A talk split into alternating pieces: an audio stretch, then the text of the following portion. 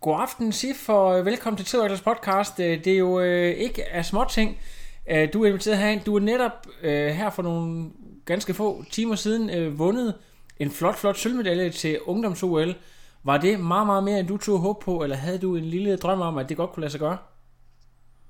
Øh, altså, jeg havde, jeg havde godt inden, der havde jeg, øh, der havde jeg, hvad hedder det, altså jeg havde en forventning om, at jeg godt kunne tage medalje til ungdoms-OL, men i forhold til, at jeg har haft en dårlig optakt med at være skadet hele vinteren og foråret, og ikke rigtig haft nogle stævner, der er sådan gået vildt godt, fordi jeg stadig lige har manglet den der løbeform og sådan noget. Så, så jeg havde godt lidt tænkt, at det kunne være en drøm, at man kom på podiet, men det var ikke noget, som jeg bare tænkte, det skal jeg gøre, fordi jeg godt vidste, at løbformen den lige mangler lidt mere træning endnu. Jeg ved, at du blev kritiseret en lille smule for, for din svømning. Det plejer altså din stærke side, men selvfølgelig, når vi snakker top, top niveau, så har du fået at vide, at, øh, at de folk omkring dig, at øh, svømningen, der, der er du simpelthen nødt til at arbejde hårdere, men du også, at du får bevist nogle ting her i dag med det, du præsterer. Ja, altså, ja, svømningen har tit, fordi, altså, problemet er, at jeg har niveauet til at svømme rigtig godt, men som regel, når jeg kommer ind i konkurrencen, så, så er der bare nogle gange, så er det bare gået galt for mig, og så har jeg bare ikke svømmet til mit optimale. Og det har jeg bare tit fået at vide, at, at det er lidt underligt, at jeg ikke kan svømme så godt, når jeg, gør, når jeg svømmer så godt i pool og sådan noget. Øhm, så det var rigtig fedt lige at få sat på plads, at jeg faktisk øhm, har et rigtig godt svømmeniveau. Kanon. Lad os lige prøve at gå igennem konkurrencen i dag, fordi at, øh, du, du sad jo ikke og fældede rundt. Det var jo bare... Øh, jeg ved ikke, måske skulle fortælle om det taktiske oplæg, og så, så øh, fra det taktiske, taktiske oplæg, så gå videre til, hvordan øh, konkurrencen øh, udfordrer sig i din optik. Jo, altså, inden så havde jeg håbet på, altså hvis det var drømmeræse, så skulle det være, at jeg fik en rigtig god svømning. Øhm, så jeg ligesom kunne komme op i den gode ende og komme ud på cyklen, og så bare så hurtigt som muligt øhm, komme afsted på cyklen, og hvis det skulle være, så skulle jeg køre selv. Øhm, og bare ligesom hamre igennem og se, hvor stort det forspring, jeg kunne få til de andre piger, fordi jeg ved, at mit cykelniveau det er, det er bedre end de fleste af de piger, der er i det her felt. Øhm, og så på løbet, så vil jeg jo så kunne have noget tid til de andre, som jeg ligesom kunne bruge, fordi at mit løbeniveau ikke er helt på toppen endnu. Ja. Og øh, det, det er jo ret meget det, der sker. Der er en svejser, der, der, der er med dig på cyklen, så vidt jeg husker. Ja, ja, altså hun hedder Anja Weber, og jeg har godt kørt mod hende før, og jeg vidste også godt, hun er rigtig god til at svømme og cykle og sådan noget, og hun løber også okay. Øhm, så da jeg kom op af vandet som nummer tre, så var jeg helt sådan, wow, det var vildt. Og så kom jeg bare, jeg havde et kanon godt til et, et godt skift, og så kom jeg bare afsted. Og så sad jeg med hende, og så havde vi allerede øh, sat de andre, inden vi overhovedet var kommet ud af skiftezonen nærmest. Og så var det bare øh, hovedet ned, og så bare øh, træde øh, 300 watt, eller, eller hvad, hvad var taktikken? Ja, ja så, altså, jeg havde, øh, jeg havde forberedt mig på, at jeg virkelig skulle arbejde hårdt for at holde de andre bag mig.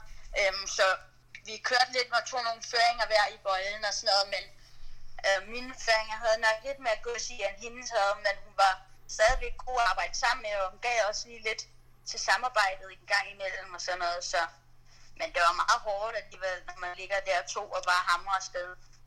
Var du på noget tidspunkt øh, bevidst om, at du var, altså kender du hendes øh, Webers løbende, hvor vidste du, at du var nødt til at have et forspring i, i T2? Øh, hvad, hvad, hvad tænkte du der? Mm, altså, jeg havde jo, jeg har jo været til junior EM i sommer, hvor hun faktisk slog mig. Øhm, men der kan man også sige, der var jeg i lidt dårligere form, fordi der havde jeg været syg op til, og der var jeg lige begyndt at træne igen efter jeg var skadet, så der kan man sige, der var mine forudsætninger måske ikke lige så gode. Men jeg vidste godt, at det ville ikke være sådan en uh, piece of cake at løbe hurtigere end himlen, så jeg tænkte, at øh, jeg ville komme godt ind i skiftet, så jeg kom først ind, og så kom jeg bare, så spændte jeg bare ud af skiftezonen og håbede ligesom, at det ville syge hende, og så hang hun slet ikke med, og så havde jeg hende bare der. Finder du ud af, på noget tidspunkt, har du nogen øh, digerne eller andre, der står og råber efter dig, at der kommer en sydafrikaner i et hæsblæsende tempo? Nej, det får, jeg, det får jeg faktisk, fordi vi løb sådan to runder, og efter den første runde, der var hun stadigvæk sådan 15 sekunder efter eller sådan noget. Så det, havde jeg, det fik jeg faktisk ikke at vide.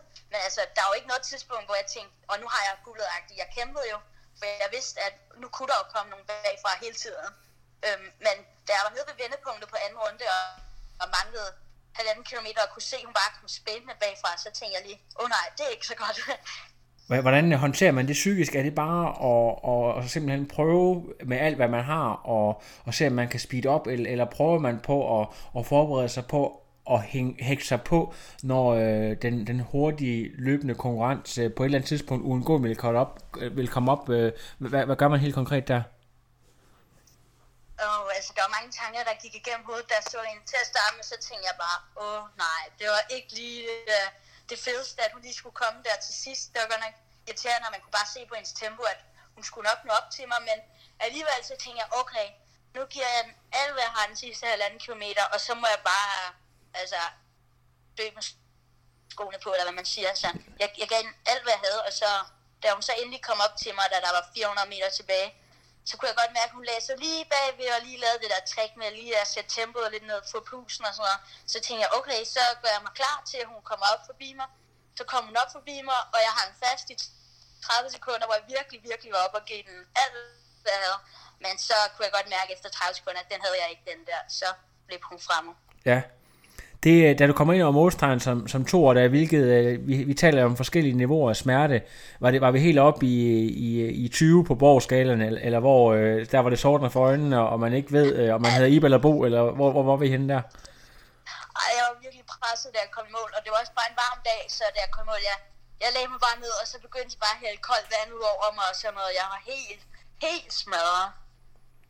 Fantastisk. Ja. Øhm, det er jo et, et ungdoms-OL, og øh, dem er der jo ikke ret mange af, de her ungdoms-OL. Vil, vil du betegne det som øh, dit største resultat i din, øh, i din karriere, eller, eller hvordan rangerer det her resultat?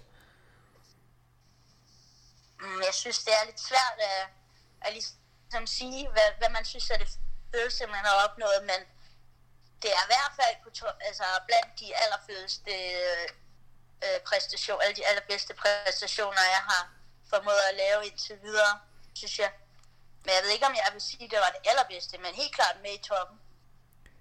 Næste, næste mål for dig øh, på nuværende tidspunkt, hvad, hvad er det? Du har jo haft alle de her skader og, og ikke rigtig kunne finde det der topniveau. Nu øh, ser det ud som om, at du er ved at være der, hvor du gerne vil være, men øh, desværre så øh, i hvert fald øh, på den her, den nordlige, den nordlige halvkugle, er vi ved at, at synge på absolut sidste vers i forhold til, til triathlon-sæsonen og så videre. Men øh, har, har du andre mål øh, for 2018, eller er du ved at kigge frem mod 19?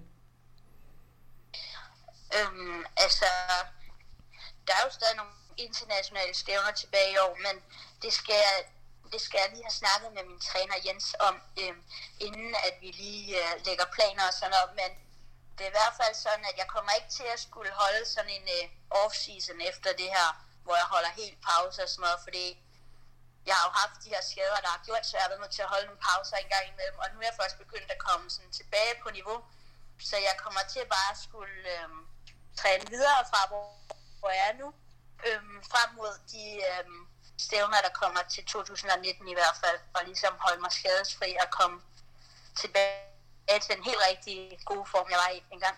Fantastisk. Prøv lige at sætte ord på den der forløsning øh, i, i alle de ting, du har kæmpet med, med, med skader, og måske nogen, der ikke rigtig har, har troet på det. Du har fået lidt kritik og så videre for, for forskellige ting, blandt andet svømning, vi taler om.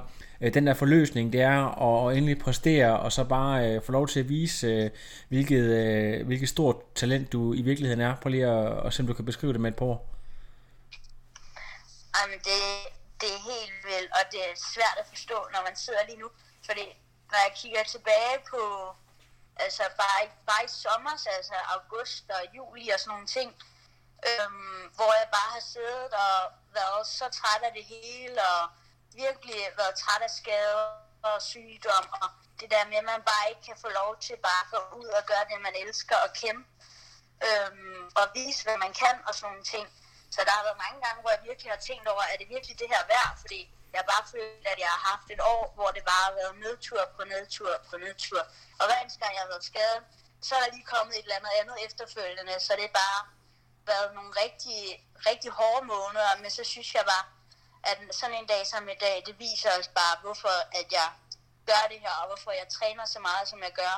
Fordi at det er sådan nogle oplevelser som i dag, som virkelig bare er noget, man slet ikke kan beskrive. Altså, det er det fedeste. Og så har du også ovenikøbet fået lov til at møde kronprinsen, som jeg var over og sige hej, og jeg har endda fundet et fint billede, hvor I står sammen, som skal være cover for den her podcast. Prøv lige at sige, hvad, hvad fik Frede sagt til dig? Og han var, det var helt vildt at snakke med ham. Han var meget nede på jorden, og var vildt bag over at få lov til bare at møde mig, og han, han synes, det var så sejt, at jeg havde vundet en sølvmedalje, og han ville, han ville gerne høre om, hvordan jeg trænede, og hvor jeg trænede, og alle mulige ting. Så jeg fik lige snakket lidt med ham om træning, og hvordan han gik og trænede og sådan nogle ting. Ej, det er jo, det er jo helt fantastisk. Er det, er det også sådan en, en, en uh, ud over selve konkurrencen, sådan en, uh, en all-time highlighter, i, måske ikke bare i triathlon, men måske også bare uh, sådan på, på niveau med ja, 12-tallet til, i studentereksamen og alle de der highlights, vi nu har i livet? Ja, det er helt klart det er den største oplevelse, jeg nogensinde har haft bare i sådan normale liv. Altså, det, det er helt mærkeligt at tænke på, at man har mødt kronprinsen og snakket med ham som en helt normal person. Ja. Og det er, også, øh, det er jo kun meget, meget få mennesker, der, der oplever det, så, så helt sikkert. Øhm, jeg ved, at øh, der er mange mennesker, der virkelig under det her. Øh, ikke at forglemme din familie. Jeg har jo både haft øh, Inge og øh, Thor i røret, og vi har snakket meget om det. Hvordan er den her opbakning, du, du mærker fra det nærmeste familie? Prøv lige at sætte på på det. Jamen altså, det er bare i øh, min familie, altså min mor og far og min storebror, vi, vi er virkelig, øh, altså det er sådan en et mål, vi har sammen, når vi ligesom træner, og mine forældre, de kører mig, hvor vi skal hen og laver mad til os, og virkelig gør, hvad de kan, for at jeg kan præstere på topniveau. Øhm, så betyder det jo også rigtig meget for dem, når jeg så ligesom formår at gøre det, og altså, da jeg kom i mål, så stod min far og jeg bare krammet og tudbrøllet begge to over, hvor glade vi var og sådan noget, fordi det betyder jo lige så meget for dem, og også for min storebror Thor, fordi at vi ligesom træner sammen hver dag, og ved ligesom, hvor meget vi har kæmpet for at nå hertil. Ja, jeg, jeg, kan godt, jeg kan godt mærke, at der er mange følelser i spil, og de, øh, det, det virker næsten som om, at, at øh, ja, I udlever hinandens resultater gennem hinanden, når, når to øh, præsterer, når du præsterer, så, så mærker man den der indætte glæde ja. på hinandens vegne. Ja, helt klart. Øhm, har, har, du, har du, nu ved jeg, at, at Jens er jo nok, øh, sover nok på nuværende tidspunkt. Har, har du haft kontakt til ham? Øh, han vil sikkert også gerne høre om det resultat. Øh, ja, han er faktisk vågen, og jeg har snakket med ham, og han var også helt vildt glad på mine vegne. Og så også lige til ham, at nu har jeg vist, at alt kan altså lade sig gøre, Jens. Nu, selvom jeg har været skadet og ikke havde de rette omstændigheder, så kan det altså også lade sig gøre for ham på corona om nu. Ja, lad os håbe det. Øhm, ved du hvad, øhm, Sif, jeg vil lade dig komme tilbage til, øh, til alt det øh, mad og sodavand og så videre, du har fortjent oven på en anstrengende dag. Og så øh, skal I holde lidt ferie derovre også, eller hvordan? Øhm, ja, fordi altså, jeg har jo stafetten her torsdag næste uge, men så efter det, så har jeg faktisk lidt over en uge, hvor jeg ikke har nogen konkurrencer, men bare kan træne og se de andre konkurrere og hætte på dem og sådan. Ja, det er jo helt fantastisk. Jamen det er godt, så, så du har lige en, øh, du har lige en, øh, en stafet, og ellers så er det, så er det lidt øh, downtime for dit vedkommende. Ja, Rigtig godt. Ved du hvad, øh, endnu en gang her fra podcasten vil jeg ønske dig kæmpe stort tillykke med øh, din sølvmedalje, og det var fedt lige at høre øh, der sætte et par ord på, og så vil jeg gå i gang med at redigere med det samme, så vi kan have den ude måske allerede inden midnat her i aften, så den ligger klar, når folk skal på arbejde i morgen. Der plejer folk gerne vil høre noget podcast. Ja, det er altså godt. Ja, super. Det er godt. Jamen, tak fordi jeg måtte ringe, og hils stiger og have en fortsat god aften. Jo, og tak fordi jeg, jeg måtte være med i podcasten. Ja, men altid. Når man præsterer stort, så må man altid være med. Sådan det. Det er reglen. Det, det er godt. Vi, vi tager ved, og endnu en gang tillykke. Hej. Hej.